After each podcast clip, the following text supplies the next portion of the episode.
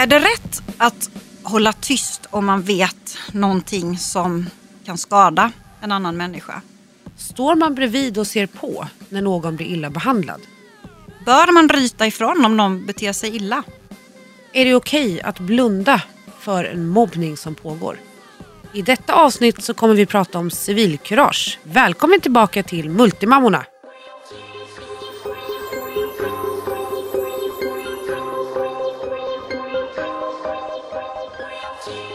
Hallå, hallå!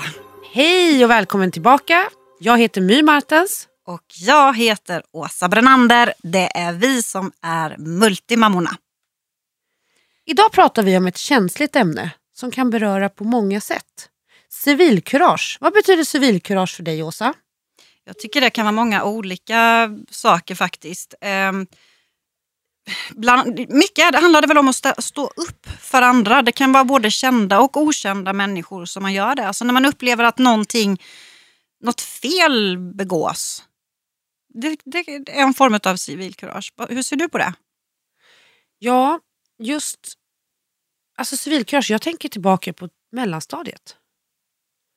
Mm. Där man först börjar liksom få lära sig, du vet, det var, jag kommer inte ihåg, Kamratförbundet tror jag det hette. Jag kommer inte riktigt ihåg. Mm. Men det var första gången man fick liksom lära sig att oj, ska man blunda eller kliva fram? Mm.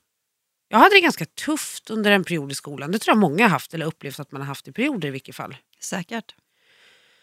Men jag har väldigt svårt att stå bredvid om någon blir orättvist behandlad. Jag Mm. hatar ordagrant orättvisa. Och hatar ett starkt ord, det använder jag väldigt sällan. Mm.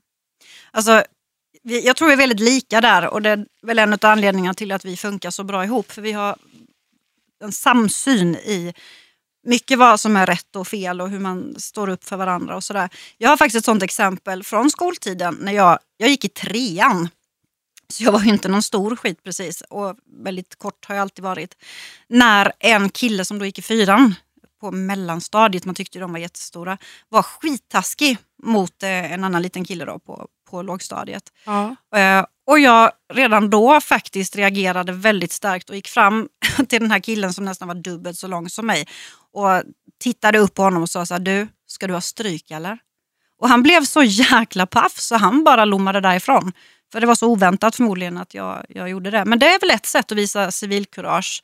Eh, och gå in liksom och bryta när någon, någon blir utsatt. ja.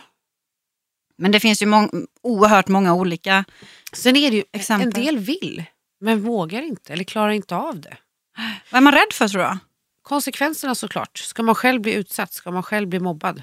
Mm. Är man själv den som då kommer få alla de här människorna emot sig? Oavsett om det här handlar om skolgårdsperioden i mellanstadiet, högstadiet Mm. eller om det är nu, vuxna livet. För det, kan, här kan ju, alltså det här kan vara på en arbetsplats. Mm. Det kan vara på förskolan. Det skulle till och med kunna vara i mammagruppen. Förstår du? Mm. Jag kan säga att jag ser till och med på gymmet hur vissa faktiskt blir eh, utfrysta. Mm. När det är större, framförallt grabbgäng är vad jag har iakttagit. Har du agerat på något sätt då? Eh, ja, på gymmet, det har varit på en så liten alltså, nivå. Det är mer så att man, lite mer utfrysningsbiten. Så det är ingenting man har kunnat ta på. Mm. Man kan inte tvinga folk att umgås om de inte vill. Eh, men annars skulle jag absolut agerat. Men jag, alltså i hela vuxenlivet egentligen så är klart man har hamnat ställts inför olika situationer. Mycket jobbrelaterat i min butik Mysblommor förut. Mm. Men jag vet en sak där det tog väldigt stora konsekvenser. Där jag hamnade på shitlist. Mm. På grund av att jag stod upp för det som för mig var rätt. Eh, och det är så här, jag råkade på omvägarna höra att en eh, partner var otrogen mot sin partner.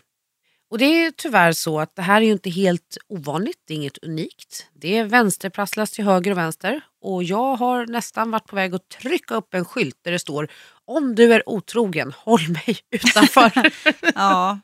Nej men du fattar, alltså det här är ju känsligt. För det är så här, jag, rent krasst är det så här att jag blev bedragen. Det var ingen som sa det till mig. Mm. Och det gjorde jävligt ont i efterhand för att så många hade vetat om det. Mm. Många fler än vad jag trodde.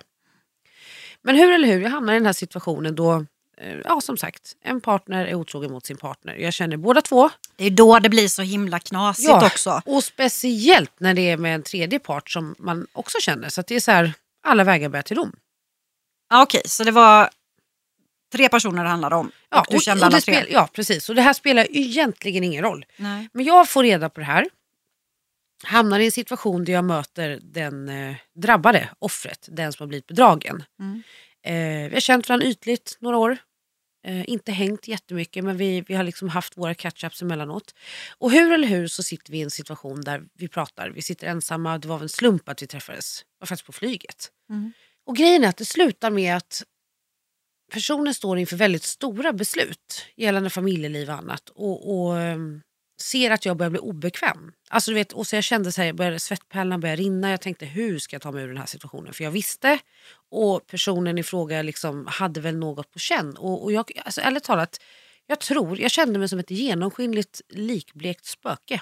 Då tittar den drabbade på mig och ifrågasätter. Du vet att hen har varit otrogen.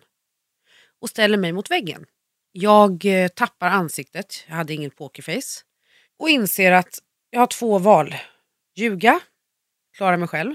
Eller vara ärlig och ge personen själv en chans att ta det här stora beslutet som de då som par stod inför. Mm. Ehm, med all information. Och jag bara så här, scheisse, det här är svårt. Men som, Ah. som mamma, Mm. Alltså i det... alltså det var många saker man kunde relatera till. Jag, jag, jag kunde inte ljuga. Jag är faktiskt inte så bra på att ljuga. För när jag väl försöker ljuga om det är en vit lögn, det kan vara liksom så här, inför Ludvig, så här smågrejer. När man, nej men jag åt upp mina grönsaker och så tittar man åt ett annat håll. Det funkar inte, jag är skitkass på att ljuga. Mm. Nu är det här lite mer allvarliga saker så att det slutar med att jag bekräftar det hen efterfrågar. Mm. Jag förklarar också att det här var egentligen ingenting som jag hade tänkt komma in på. Jag önskar också att jag ingenting hade vetat. Ja, jag skulle precis säga det. Alltså att är det inte så att man, vad jobbigt! man faktiskt önskar att man inte hade haft en aning. Ja, ja, ja. Jag önskar, alltså åh herregud. Mm. Det här har dragit med sig liksom att tyvärr, den eh, tredje parten Mm. var egentligen den som stod mig närmast av alla. Mm. Det var någon person som jag verkligen älskade på ett vänskapligt sätt. Mm. Eh, och jag försökte, där blev det ett jäkla missförstånd. Med facit i hand skulle det här skötts på ett helt annat sätt. Jag skulle dratt ett snabb sms och bara så här, shit, jag har gjort bort mig. Jag blev frontad och jag klarade inte av att ljuga. Mm. Istället så ringer vi gemensamt upp personen. Och, ja, alltså för att, Oj, ja. ja. men jag vet, men det, det, som var, det här blir ju fel. Det, tanken med att ringa upp den tredje parten, Mm. det var ju för att ett, hen ville prata med partnern. Två, jag skulle förklara att vet du vad, nu har det här gått lite snett. Jag sitter här med hen som skulle vilja prata med dig och sorry, jag ber om ursäkt. Jag hann aldrig komma dit. Så att den tredje parten tyckte att jag var ännu fulare som ringde upp utan att liksom förvarna. Och jag fattar ju det. Ja. Det är det som jag har ångrat i efterhand. Att jag inte på ett snyggt sätt, eller på ett snyggt, men på ett ärligt och rakt sätt kunde förmedlat informationen till tredje part. Mm. Ja, ja, skitsamma. Lackkort ligger, det går inte att göra någonting åt det. Eh, jag är idag supertajt med, med den drabbade. Mm. Och vår vänskap har vuxit sig jättestark. Men jag förlorade tredje parten. Mm. Som jag verkligen, alltså som har varit liksom en av mina absoluta närmsta. Ja, det där är Och det där är så känsligt. Och det, blir så här, och det där är ju ett, ett, drama som egentligen inte jag själv vill vara inblandad i. Mm. Men jag har lärt mig min läxa där. Jag vill verkligen inte veta sådana saker. Det hade ju varit betydligt enklare att inte Ja, ja, ja, göra det. Men det är ju definitivt eh, självklart civilkurage det handlar om. Jag har själv varit med om en liknande situation för ett antal år sedan. Där jag också var väldigt god vän med båda två. Ja, det där är så svårt. Ja, det är så jäkla svårt. Och i det här fallet var jag ju god vän med alla tre. Ja, ja, herregud. Nej, och, det, och så, när man får den där frågan, den direkta frågan. För det, I det här fallet så var det då tjejen som kom hem till mig och frågade ifall jag visste då att eh, om hennes kille hade varit otrogen. Och hon var så jäkla ledsen. Och jag Ja. bara kände så här, men jag kan, inte, jag kan inte ljuga om det. Så jag sa att ja, det vet jag. Eh, och det skulle hon givetvis då inte konfrontera honom med, vilket hon gjorde direkt. Alltså man är ju inte mer än människa. Och han blev ju vansinnig på mig och ringde upp sen på kvällen och skällde ut mig efter noter och vilket jädra rövhål jag var rent ut sagt som hade bekräftat det här. Men då sa jag faktiskt till honom så här, men hur kan du kräva att jag ska ljuga för din Ja. skull? Nej. Det kan man ju inte kräva av en Nej, annan det människa. är ju just det. För, att, alltså, nej. för då hade du hamnat i en situation där du plötsligt har svikit någons förtroende. Precis som jag kände, om jag sitter och ljuger framför hen Mm. i mitt där triangeldramat var ett faktum. Mm. Då hade jag ju svikit det förtroendet. Vi hade ju aldrig överhuvudtaget kunnat ha en relation när det väl hade kommit fram att jag hade vetat om det. Mm. Nej, det är Nej, men det är, ju, det, går, Ja. det är ju svårt att leva med det. Liksom. Det tog flera år, vi blev vänner sen eh, allihopa igen. Men, och det hoppas jag givetvis för din Ja, skull är också. ja, hoppet till sista smörjan. Ja, men, men det, ja, det är dyrköpt alltså. Jag hade en upplevelse för något år sedan som också fick rätt så, så här stora konsekvenser som handlade om civilkurage. Jag satt på tåget hem, jag hade varit nere och jobbat i Warszawa och satt på tåget från Kastrup och eh, in kommer det tre stycken eh, tonårskillar, alltså ungefär i Tims ålder, så här 14, 15. Ja. Och eh, dels så satt jag i tyst vagn. Eh, de kommer och sätter sig och sitter och pratar ganska högt. Och visst, jag satt väl och gav lite onda ögat sådär, men, men inte, alltså det kunde jag Åsa ändå ha kan lite... verkligen ge onda ögat Ja, ska jag tala om. ja, det är När min- hon är sur Ja. eller stör sig på någon eller något då har fröken väldigt svårt att dölja detta. Ja, ja, det är en av mina bästa grenar faktiskt, så är det att ge onda ögat vid olika tillfällen. I alla fall så eh, sitter de och pratar ganska högt och skryter om vad som har hänt i helgen. Eh, och eh, en av killarna säger så här, du, eh, vad fan var det hon hette den där bruden, hon som sög så jävla dåligt. Och jag bara, jag trodde att jag inte hörde rätt först. Det här är liksom min killar i Tims ålder. Ja. Och då säger den, en annan kille så här bara, ja men det var ju hon eh, Isabelle, alltså nu hittar jag bara på ett namn här för jag kommer faktiskt inte ihåg vad det var hon hette. Och den tredje bara, åh fy fan vad hon sög dåligt. Och jag bara så här, jag blev precis rosenrasande. Det var ju många människor som satt i den här vagnen. Och alla tyckte väl att det var ganska obehagligt men det var inte någon som gjorde någonting. Men jag reste mig faktiskt upp och sa till eh, killarna så här att eh, inte nog med att ni sitter... Att sugtekniken den kommer med åren. Nej, det sa- Nej, det sa jag verkligen inte mig. Nej, okej, förlåt. Förlåt, var Övning ger färdighet. Nej, fy fasen. Nej, det sa jag inte. Utan jag reste mig upp och sa så här, inte nog med att ni sitter i tyst vagn och stör oss allihopa. Det ni håller på med är dessutom så under all kritik. Vilken förskräcklig syn ni har på tjejer i, i er egen ålder. Bara håll käften. Och jag hoppas att ni får stå på, till allmän beskådan på skolgården på måndag med byxorna nere vid anklarna och bli utskrattade för att ni är så fruktansvärt respektlösa.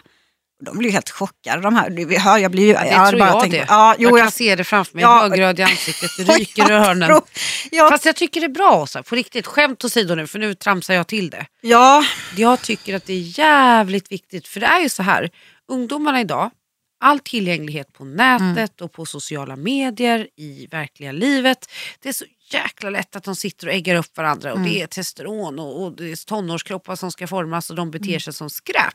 Och grejen är, om man bara är tyst, om du inte hade sagt någonting, de har inte ens fått sig en tankeställare. nej. Nu kommer de alltid tänka på den galna tanten på tåget. förmodligen, förmodligen så, absolut. Men det som jag tyckte var så skönt i det här, det var för att jag skrev alltså, när jag satt kvar på tåget så var jag så upprörd och så skrev jag ett inlägg på min blogg.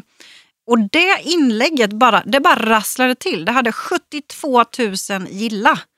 Eh, Så att man ser ju ändå att folk tycker det var bra och jag fick jättemycket cred för att jag, att jag stod upp och gjorde det här. Och speciellt från föräldrar, det här kommer jag ihåg. Ja, Mm. ja men det, alltså det var helt galet. Eh, Det är nog mitt mest lästa inlägg någonsin tror jag. Eh, Och den enda kritiken jag fick var ifrån vissa, alltså några män som tyckte att jag generaliserade och att det handlade om att, att det bara var killar som hade en dålig syn eh, på, på tjejer. Nu var det fa- faktiskt inte så utan nu råkade det ju vara ett sånt tillfälle. Att Jo, det, jo. men visst är det så att man kan höra tonårstjejer och även tjejer i våran ålder, eller min eller din. Ja, ja, det kan ju, Prata alltså, man kan ju väldigt prata nedsättande. storlekar och han är dålig på det. Mm. Och, och tyvärr alltså, så är det här ganska vanligt just på, när, när man börjar utforska sin sexualitet, när man kommer upp i högstadiet, när det Mm. börjar bli mer seriösa inom Mm. citationstecken relationer, att, att man av lite osäkerhet då kanske rackar ner på varandra. Mm. Eh, så det är klart att det är viktigt att poängtera att det absolut inte bara är generaliserat mot just pojkar, Nej. utan även flickor. Mm. Nej men absolut, visst är det så. Men det är ju det här, varför vill man medvetet kränka någon? Varför vill man liksom... Fattar inte det. Jag, jag brukar säga det här, nej men jag skrattar inte åt dig, jag skrattar med dig Mm. när vi skrattar åt varandra. Mm. Slash med. nej men det är verkligen så här, när man medvetet går in för att rycka ner en annan människa, Mm. när man går in för att såra någon annan. Mm. Jag, alltså I affekt i ett gräl då säger man ju i regel alltid saker man kanske inte riktigt menar. Man kryddar till det lite Mm. extra, man letar efter det där som provocerar fram någonting ännu värre. Mm. Och Det är någonting som man får lära sig hantera Mm. och försöka bli bättre på. Mm. Men tyvärr så är det så att när man hamnar i de här situationerna att det är många mot en. Där är det ju många som faktiskt väljer att blunda och inte lägga sig i eller stå upp för vad som är rätt och fel. Ja, men det är ju det som är så konstigt. För jag menar, det var ju rätt många som satt i den där vagnen. Eh, och de flesta upplevde jag tyckte att det blev bara liksom obehagligt i den stunden. Jag hade ju önskat att någon mer hade rest sig upp och, och liksom så här, ja vet ni vad, lyssna på den här galna tanten. Mm. Eh, för det är inte okej att, att sitta och uttrycka sig på det sättet. Men det var ingen som gjorde det, utan det var ju så här, de vågade inte titta på mig. Liksom. Sen, sen kanske det ändå var sådana som tyckte att det var, var bra, det tror jag. Ja. Men det finns ju många, det finns ju många andra lägen. Alltså här handlar det mer om att, att, stå upp mot något som någon sa. Men kommer du ihåg det här, rör inte min kompis? Ja. Nu sitter jag och håller upp en hand Ja, precis som att alla ska se det. Men, Jag hade en sån rör inte min statsminister. Åh, Jesus Christ. Ja, det fanns ju för sig ett budskap med det med tanke på lite tragik i svensk politikers historia. Gud. Men, Nej, men den var jättebra. i vissa fall, om vi kommer tillbaka till min situation där, där jag då röjde en otrohetsaffär, en Mm. smutsig affär på ett eller annat sätt. Eh, den som hade gjort något fel, det var ju hen som bedrog sin partner såklart. Mm. För den tredje parten har ju inte gjort något fel egentligen om du frågar mig. Jag menar att den tredje parten har inga obligations eller relationer till övriga inblandade. Nej, det där var mer en samvetsfråga kan jag Ja, ja men det är absolut. En samvetsfråga det är det ju såklart. Men personen har ju inga obligations mot eventuell respektive. Mm. Nej, nej, det var en, den personen var singel. Den tredje parten. Ja. Ja, Mm, okej. precis. Men hur eller hur så är det så att det här tog ju förödande konsekvenser för mig såklart. Mm. Eh, I och med att eh, tredje part blev sårad och besviken på mig, vilket jag förstår. Mm. Eh, då passade andra människor på att gå ihop sig med tredje part och liksom, ja, My är en jävla fitta. Ursäkta uttrycket. Mm. My är en jäkla idiot. Hur kan man göra så? Och jag fattar reaktionen och jag fattar känslorna så det är inte det. Men jag har ju många gånger fått frågan, eller när det här har kommit på tal, så ska jag ärligt, för det här blev ju ganska stort, eh, du vet i olika umgängen. Mm. Och när det här väl kom på tal, då var det ju ganska många som, men när vi diskuterade, jag bara, men hur hade du gjort? När man liksom la hela historien, att men, det här beslutet skulle tas, Mm. så här låg det till. Jag blev frontad, tappade facet och, och hamnade i den situationen. Hade du, hur hade du gjort? Vände jag frågan. Mm. Jag ska säga det att nio och en halv av tio svarade, jag skulle aldrig sagt någonting. Nu av de som vi har diskuterat det här med, så har många varit ganska mycket äldre och redan varit med om en liknande situation. Mm. Och jag ska ärligt talat säga i framtiden, jag tror inte någonsin att jag kommer sätta mig i denna situation igen. Alltså jag kommer bara knipa igen. Nu vill jag också poängtera för alla som lyssnar, i det här triangeldramat, det här handlar inte om några, några offentliga personer. Eh, det här är vänner till mig som inte har varit med i sociala mediesammanhang Så att ni vet det, så ni inte folk börjar dra några konstiga slutsatser här och rikta det här mot någon annan. Punkt. Mm. Nej, det väl bra att förtydliga. Ja, men eftersom det varit så mycket spekulationer om annat också. Mm. Men hur eller hur så är det en knepig situation. Mm. Alltså det blir ju så här, så fort folk blir sårade, kränkta, ledsna, det, det drar ju med sig påföljder. Men jag skulle ju aldrig, alltså jag anser fortfarande att man ska stå upp för vad som är rätt. Mm. Eh, Ja, men det är ju klart man ska. Men sen... ja, men jag kommer ju sköta det annorlunda nästa gång. Om din man, säger vi, blivande, Mm. Mr Grey. Ja, skitsamma. Om du skulle, om vi säger så här, du dejtar någon eller du har ett förhållande. Någon är otrogen mot dig, jag får Mm. reda på det. Jag skulle gå till honom Mm. och säga så här, vet du vad, nu får du två alternativ. Jag ger dig si så många dagar. Tala Mm. om för Åsa att du har bedragit henne, annars gör jag det åt dig. Mm. Det där är ju en fiffig grej faktiskt. Ja, tänk om jag hade vetat om Ja. det. Eller kunnat tänka så långt. Ja. Ja, det är alltid lätt att vara efterklok men det är ju verkligen någonting man kan ta med sig ifall man skulle hamna i det Ja, läget för det igen. då. är För att knepigt. då, då ger man ju ändå den personen en chans att själv reda upp det. Ja, Ehm, Istället för, För att... hur man än gör så sitter man i över. kläm. Liksom. För har man vetat om och inte sagt något då är man ju rökt för den saken. Mm. Säger man något då är man stenrökt. Ja, nej, men det kvittar Alltså, ju hur man gör. Det kvittar ju absolut hur, hur man gör. Eh, och som, I det läget kan man ju också poängtera så att det handlar ju inte om någon personligen heller utan att man, kan, man vill ju kunna det var ju inte du som hade varit otrogen. Nej, Liksom. Du hade ju helst velat vara, kunna vara vän med, Med alla, alla. tre. Mm, eh, för det handlade ju inte om dig. Men i det här fallet så var du ju tvungen på något vis att ta ställning. Så att, nej, det var ett jättebra förslag tycker jag på hur man kan hantera det där. Mm. Men, men sen är det så här, ja civilkurage då, det är ju jättebra. Men det kan ju vara så att man utsätter sig själv kanske för livsfara om man står upp för mycket. Jag tänker på om man bevittnar ett överfall eller en våldtäkt eller något sånt där. Med risk för sitt eget liv, då, sin egen hälsa. Ska man, ska man gå in och försöka styra upp det där? Just vad det gäller våldtäkt, Mm, misshandel, mm, där hade jag klivit in. mm. Beroende, alltså, det är lite så här, beror på hur illa situationen är. Står folk med dragna vapen? Nej. Jag hade Mm. backat och kallat på hjälp. Mm. Eh, är det en flicka, tre pojkar, då hade jag gett mig in. Mm. Det beror lite på situation. Har man barn med sig? Har man inte barn med sig? Alltså jag, Oh, gud, jag blir helt så här... mm. Uh, bara rysningar när jag tänker på det. Men jag, jag tror faktiskt som du att... Eh, Jag är en doer. Alltså jag Mm. lägger inte benen på ryggen och det kan ibland bli till min nackdel. Jag är mer så här pang.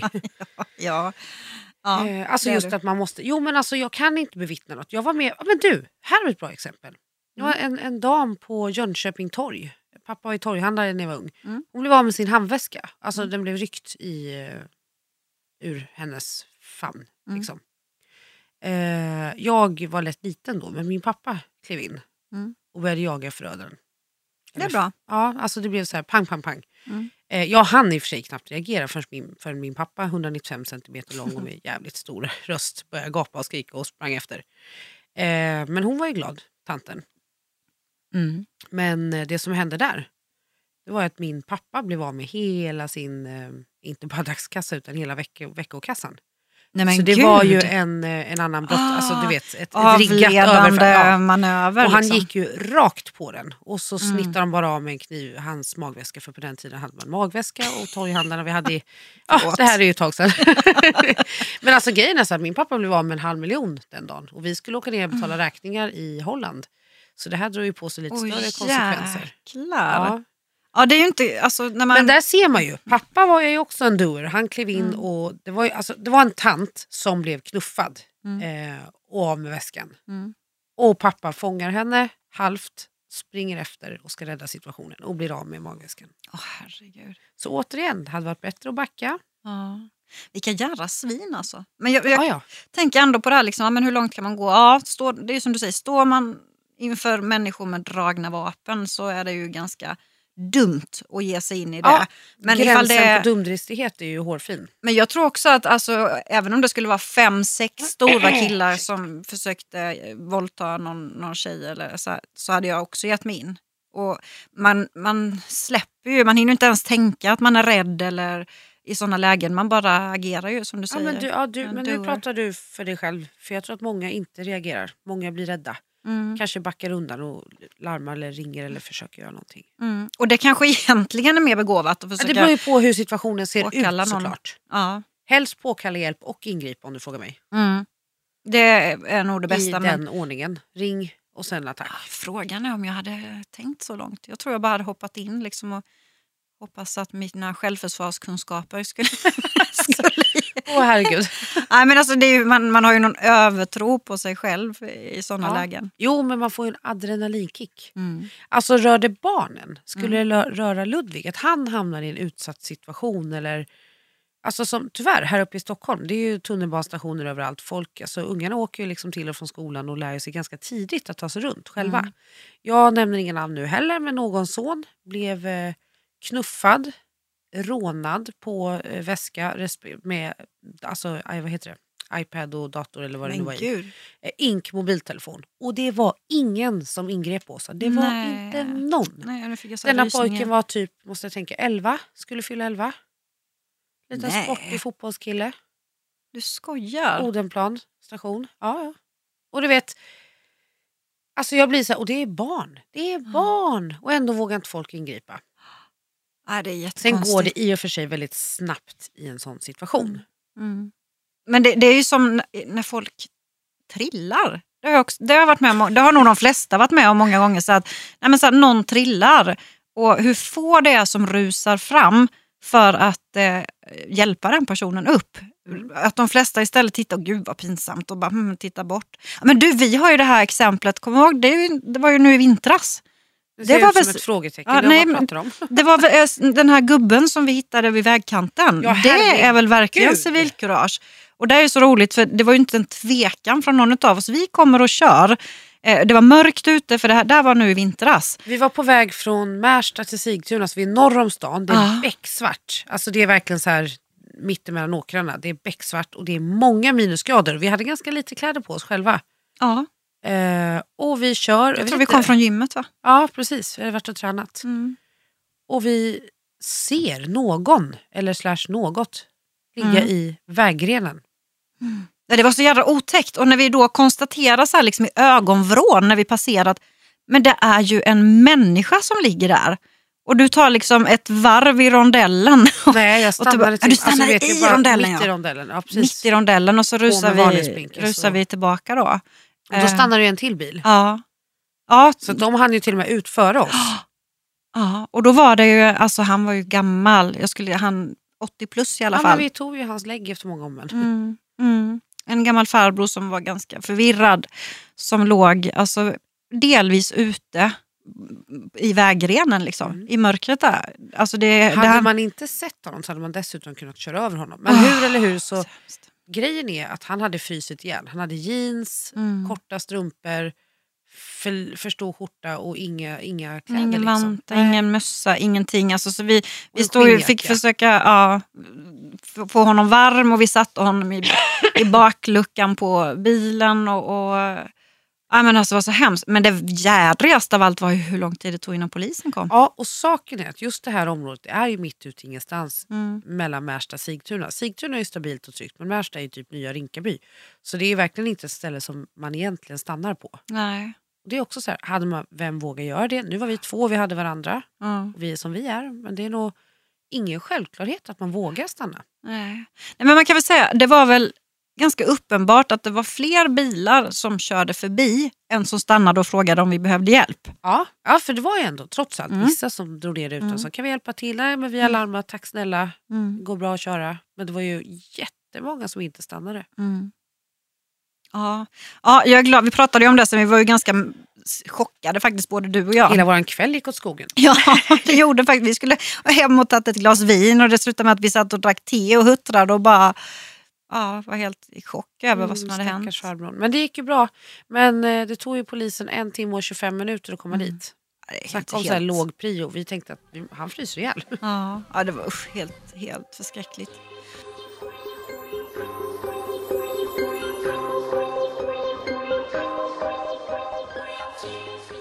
Jag tänker även på det här man ser, ja, men en stöld begås då, som din pappa gjorde där. För det, det har ju också hänt att man har sett kanske framförallt ungdomar som snattar. Mm. Och det är också så här, ska man, ska man ingripa eller inte? Det är ju den här surtanten igen då. Jag är en surtant, jag ingriper när jag ser sånt skit. Vad gör Jag önskar att jag borde göra det. du? Mm. Jag har faktiskt vid ett tillfälle inte orkat. Jag bara kände så här, pallar inte. Jag har nog med mitt. Ja. Jag bara orkar inte. Mm. Och det var, eh, det var inget allvarligt, det var, men det var snatteri i en matvaruaffär. Det var typ godis eller choklad eller någonting från de hyllorna. Och jag bara kände så här, men jag orkar inte. Inte ens onda ögat? Nej, jag, var lite, jag hade ingen bra dag. Men däremot så, jag var på väg till kassan själv. Mm. Och jag sa att ni har några som plockar godis där bara så ni vet. Så jag sa till då, men det var liksom lite för sent, lite tamt, inga konkreta uppgifter och så gick jag. Mm, ja, fast det var väl ändå en liten hjälp Ja. för att då håller man ju säkert koll på dem nästa gång de kommer in i butiken. Då. Mm. För det där är så fult. Alltså det är ju, hur fasen kan man ge sig på andras grejer? Har du aldrig snattat? Eh, jo, det har jag faktiskt. När jag gick på högstadiet, för då hamnade jag i ett gäng en sommar som eh, gjorde det. Alltså, de hade Till gjort, en grej? Ja, de hade gjort det till en grej. Eh, och då var det så här, för att få vara med i det gänget Mm. Det var nästan så här ett inträdesprov att man var tvungen att, att snatta någonting. Så jag snattade ett läppglans och jag mådde så dåligt. Så jag, jag till och med berättade för mamma och pappa sen några dagar senare för jag bara gick och ältade det här och kände att det var så fult av mig. Ja, men det är bra. Mm. Ja men då är man ju glad, det får man ju tacka mamma och pappa för att de har lyckats liksom skapa den Så att känslan. du vågade berätta för dem, för det är heller inte en självklarhet. Nej. Sen var jag också med om, jag hade en kompis som fastnade i det där, som snattade jättemycket. Och det var så fruktansvärt när man var, gick och handlade med henne. För hon bara gick och stoppade i. Men hon åkte fast eh, vid ett tillfälle när vi var, på, var i en butik. Då. Eh, och det blev hennes vändpunkt, för de kontaktade ju hennes föräldrar och det blev en anmälan och sånt där på det. Då. Så det var tur, det, han, hon hann inte fastna i träsket. Men uh, gud vad hemskt. Har du Mm. snattat då? Eh, ja, både ja och nej höll jag på att säga. Nej, det var bara lite tveksam. kryptiskt. Eh, nej, men jag hamnade också i ett sånt här tjejgäng där var i högstadiet, mellanstadiet, högstadiet. Ja, det var sjuan. Jag gick Mm. inte så mycket mer. jo, det gjorde jag. Men eh, det var så att de åkte också fast. Mm. Jag var med, men jag hade inte tagit någonting. Jag hade inte vågat än. Eh, men de åkte fast så att vi alla, alltså hela gänget blev liksom så här wow. Så vi fick ju invänta polisen och det blev föräldrarna ringdes in och min mamma var helt hysterisk. Och även om jag var den som vid det här tillfället inte hade tagit någonting Mm. ehm, så kände jag mig så jävla dum. Och Mm. vi fick ju samma bestraffning allihopa. Och vi fick ju be butiksägaren, men hon var rätt gullig för det här var en liten affär som låg på samma gård som min mormor bodde på. Eh, så hon lät oss få där och jobba. Alltså vi fick städa, damma Ah. hyllorna, så vi fick liksom lära oss den hårda vägen. Vilken bra grej. Eh, sen tyckte jag, kände jag mig lite orättvist behandlad som trots allt eh, inte hade tagit någonting. Men, jag var ju ändå där och jag visste ju om det. Ehm, så det var nyttigt, det var min grej. Mm. Däremot så satte jag i system sen att stjäla cigarettpaket.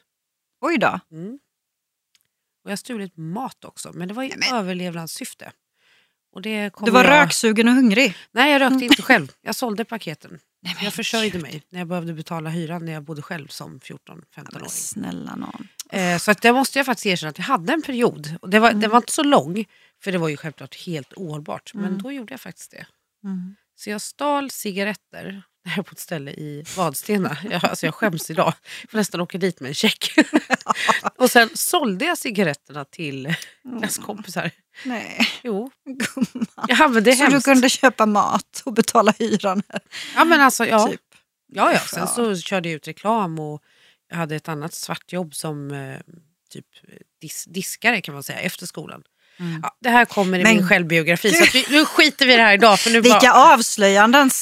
Snattare och ja, svartjobbare. ja, precis. Det här hörni, är preskriberat. Jag orkar inte Ja. dömas för det här idag. Nej, du var inte straffmyndig då heller. Nej. att, Nej, men det är någonting som jag aldrig har gjort om eh, efter den perioden. kan jag säga. Mm. För det är inte kul, alltså, du vet det gnagande samvetet. Mm. Men för att återgå till eh, veckans ämne.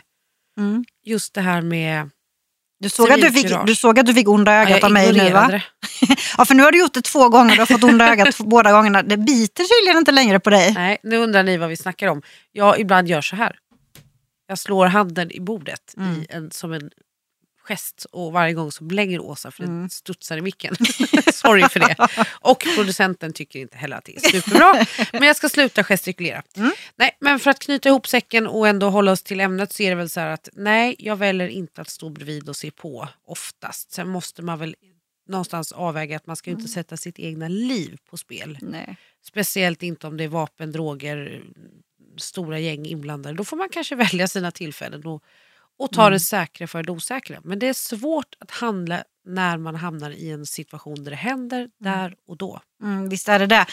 Eh, nu har vi pratat mest om liksom hur vi själva har agerat. Jag har faktiskt, eh, det var inget roligt tillfälle men jag kan ändå bli så varm inombords när någon, någon ställde upp för mig. Eh, och det var för några år sedan så blev jag väldigt, väldigt utsatt i en relation. Och eh, det gick bananas eh, vid ja, flera tillfällen. Men just det här tillfället var det liksom handgripligheter dessutom. Och då var det en tjej som såg det här, och- som gick fram till den här mannen och bara liksom så här, snacka om onda ögat, spände ögonen i honom och bara sa så här. You have to show your woman respect. Och han blev så jävla paff så det bara liksom, ja, Överrumplade. Ja. ja. jätteöverrumplad. Och jag blev oerhört tacksam för att hon bröt det. Var du som- tacksam eller skämdes du? Eh, bra frågeställning. Först skämdes jag. Just i den stunden skämdes jag. Men jag blev tacksam efteråt. När kom tacksamheten? För sent. Jag hade velat tacka henne. Faktiskt. Usch. Mm.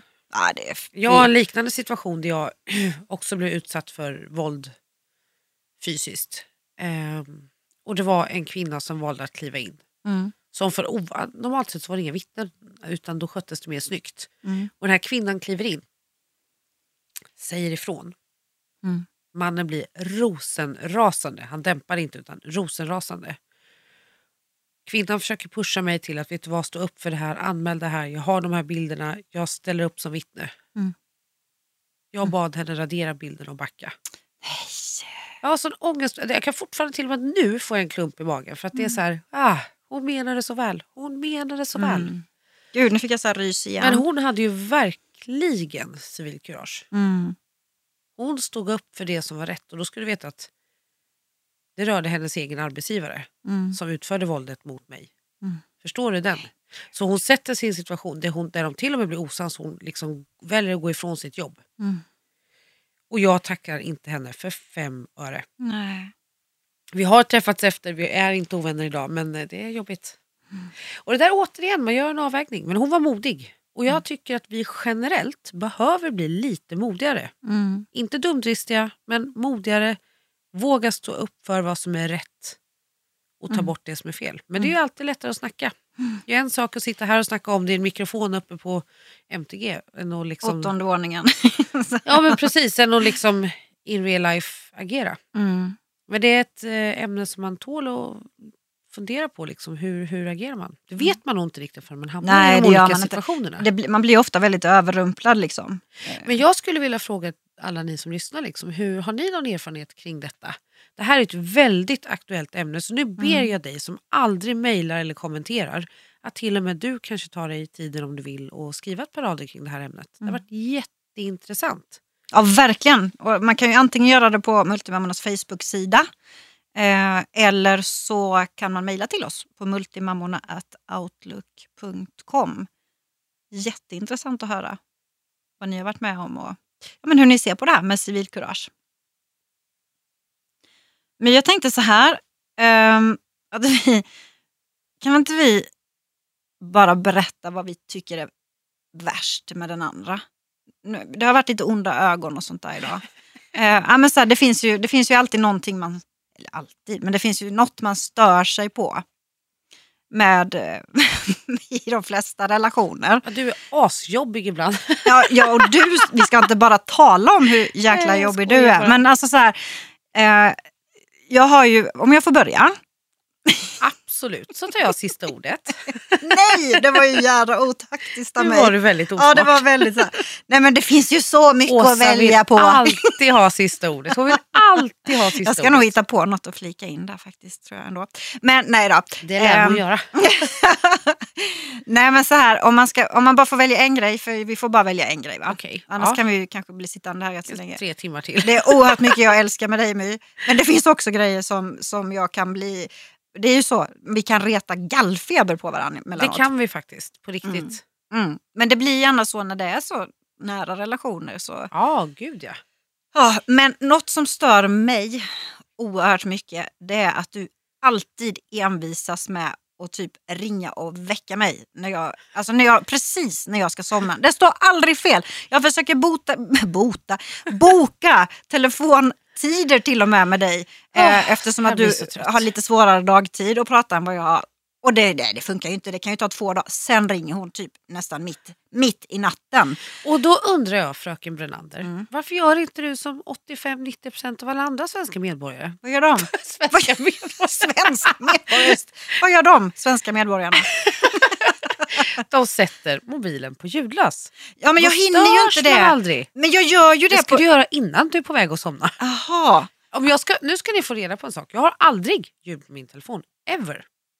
Aldrig någon, in, Nej, nej, alltså nej. inte på dagtid heller. Nej, aldrig dagtid. Men hur kan du, är det därför man aldrig får tag i dig? Ja, nu har vi en förklaring. Nej, men jag har aldrig mobilen på ljud. Ja, det det kan ju vara smart i och för sig. Men, nej, men Åsa, jag... Oj nej, häxskratt. jo, då har du visst det. nej, men vet du, jag fattar vad du menar, men jag tycker så här, skyll dig själv. Sätt mobilen på ljudlös. Jag ska göra det. Jag ska bli lika otillgänglig för dig. Skillnaden är att Åsa och jag har ju lite olika typer av jobb. För hon sitter ju stationerad på ett kontor nere i Växjö. Mm. När hon inte är på resande fot såklart. Och då är det så här, då har hon tillgång till mail, Facebook, blogg, Instagram och så vidare. Ja, jag är överallt och ingenstans samtidigt. Mm. Jag står Mest ofta ingenstans. på gymmet och coachar mina kunder och jag har jättesvårt liksom att kom igen, tre till, upp, ner, vänta lite. Och så här, är det okej vi tar det här sen? Kom igen, nej, nej, nej, tre till, tre till. Sa jag tre till? Nej, vänta, men alltså du fattar, det Men går det, ju inte. Ja, jag fattar Jag är väl det. ju personlig Men- tränare. Men det är ju så här, det är ju mer regel än undantag att klockan börjar närma sig 11 Men när du, Du, ringer brukar mig. ringa mig vid midnatt innan. Jag vet inte varför du har hamnat i en trött period. Ja, men jag, oh, men jag är lite, lite trött. ja, men jag, försöker, jag försöker Rädda dig själv, samla stäng ihop. av ljudet. eh, Jag tar inte på mig det här. Jag vägrar. Jag kommer ringa varenda kväll nu. Ja, men fast nu kommer jag ju alltid ha på ljudlös och aldrig fråga, svara i fortsättningen. ja, det var faktiskt en sån grej som jag stör mig på i alla fall. Att du alltid ska envisas med att ringa så sent. Ja. Och därmed kan vi konstatera att My har ingenting som hon stör sig på hos mig. snabb Härligt gumman! ja, nej men tack och hej, vi hörs! Vi ses nästa vecka. Eh, nej, grejen är att jag kan inte välja en sak. Ja, fast nu fick vi bara välja en och jag tog en, en väldigt snäll. Ja, en väldigt snäll, det betyder att det finns värre. Mm. Mm. Nej, men vet du vad? Det finns ju en del saker man stör sig på. Och saken är när man är tajta och man umgås mycket och man dessutom som vi då jä- jä- jä- Ja, också jobbar tillsammans. Åsa har ju ett starkt kontrollbehov. Det har jag också många gånger. Men skillnaden är att hon ska liksom planera upp allting. Varenda liten jävla detalj. det är så bra. Det är det bästa med mig. Och då när hon ska förklara. Jag är ju så här, jag vill ha kort information. Pang, pang, klart så fattar jag. Om hon vill att jag ska plocka jag upp henne, exempelvis vid tunnelbanestationen eller var vi nu landat med ett flyg, inte vet jag. Jag får en tid. Då vill inte jag liksom höra så att, ah, men My, vet du, på vägen dit så måste jag ringa den här och säga det här för att det här mejlet eventuellt kommer komma. Och sen sitter jag i den tysta vagnen mellan den här och den här tidpunkten. Jag kommer eventuellt vara tillgänglig när jag går in i den här kupén för att äta en bit mat. Efter det så sitter jag återigen i den tysta vagnen och när vi passerar granarna som kommer på högersidan och när vi rullar in mot Stockholmsområdet då kommer jag eventuellt att kliva ur. Sen behöver jag några minuter att ta rulltrappan upp till rätt perrong. Bla bla bla bla. bla. Jag bara, ge mig en tid. Släpp detaljerna. Und- Alltså du vet, jag dör. Det värsta är att jag förstår precis vad du menar. Och Du där- har ju gjort mig uppmärksam på det. här. Ja, och det roliga är att Åsa tyckte ju, varför avbryter du mig alltid? För jag säger kom till poängen. Och då blir jag oerhört provocerad och tycker så här, fan vad fräck du är. Varför, jag måste ju prata till punkt. Ja, och du undrar när punkten kommer liksom. Ja, alltså, det här är så roligt. Vi hade ett riktigt gräl, alltså Ja, inte det här verkligen. med glimten i ögat som vi har nu. Utan Nej. Vi hade ett riktigt dundergräl och hon förstod verkligen inte vad jag menar och jag förstod absolut Mm. inte vad det var som provocerade henne. För jag är mer så här, pang ge mig info. Har man fyra jobb, 311 bollar i luften, ett barn, två katter, en hund och en jävla massa projekt på samma gång, då hinner man inte ta detaljerna. Jo, och det är man visst om man har fyra företag Säger och hon hund. som går och lägger sig. och, barn och... Nej men alltså det där är så olika. Du är ju lite manlig där för jag har förstått att, att, eh, nej men så här, just att man ger så mycket detaljer. Det, det är ju så här... Jag, jag, nej men jag pratade med någon för ett tag sedan vi- just med manligt kvinnligt. Och då så säger den här personen att skillnaden är att om en man bryter armen så är det bara så här, han ringer till jobbet och säger jag, jag kommer inte idag för jag har brutit armen. Men om du bryter armen, då jävlar slår vi på stora trumman. Gud vad jag svär. Men då ringer vi och talar om att nu är det så här, jag har råkat ut för något fruktansvärt, lite dramatiskt och det kändes så här. Och vi jag hade på mig det och det och jag hade ätit det innan och nu Ja. kommer jag inte kunna äta förrän senare ikväll och jag tog den bilen dit. Och nu funderar jag på och om jag måste ställa in det här. Det här. Ja, jag vet, Egentligen vill jag bara säga att jag är sjukanmäld. jag vet.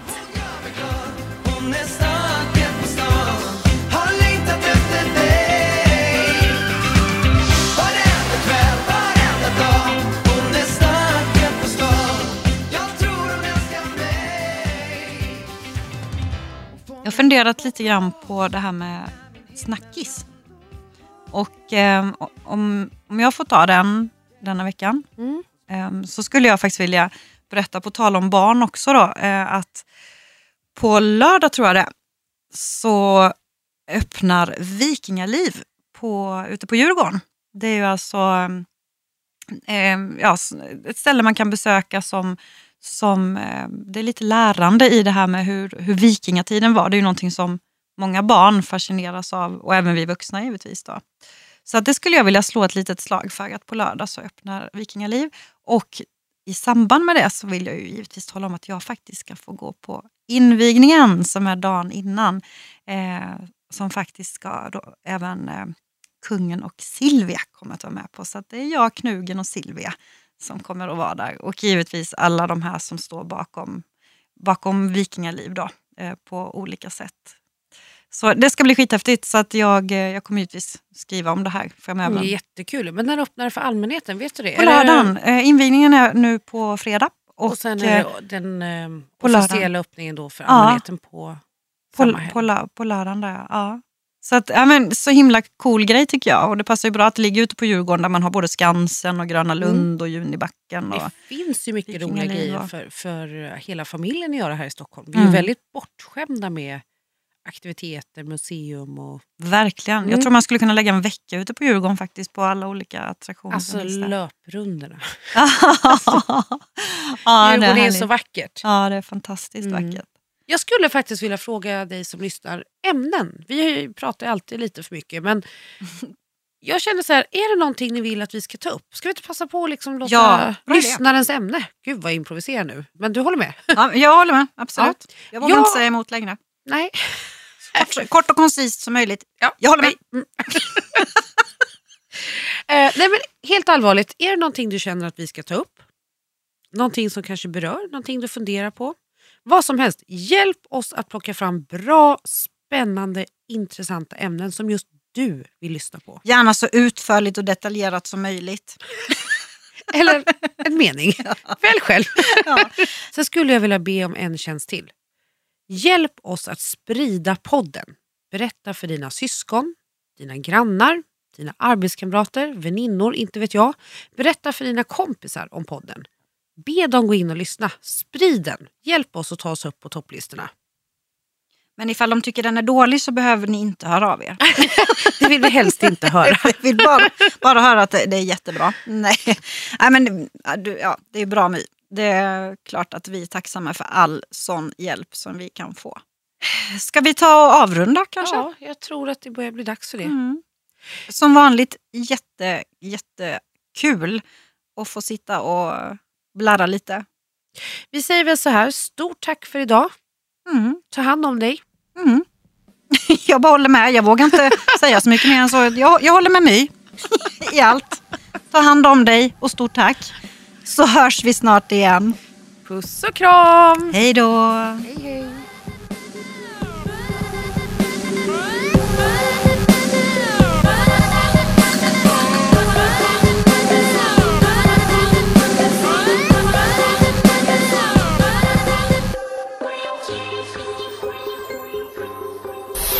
Produceras av I Like Radio. I like.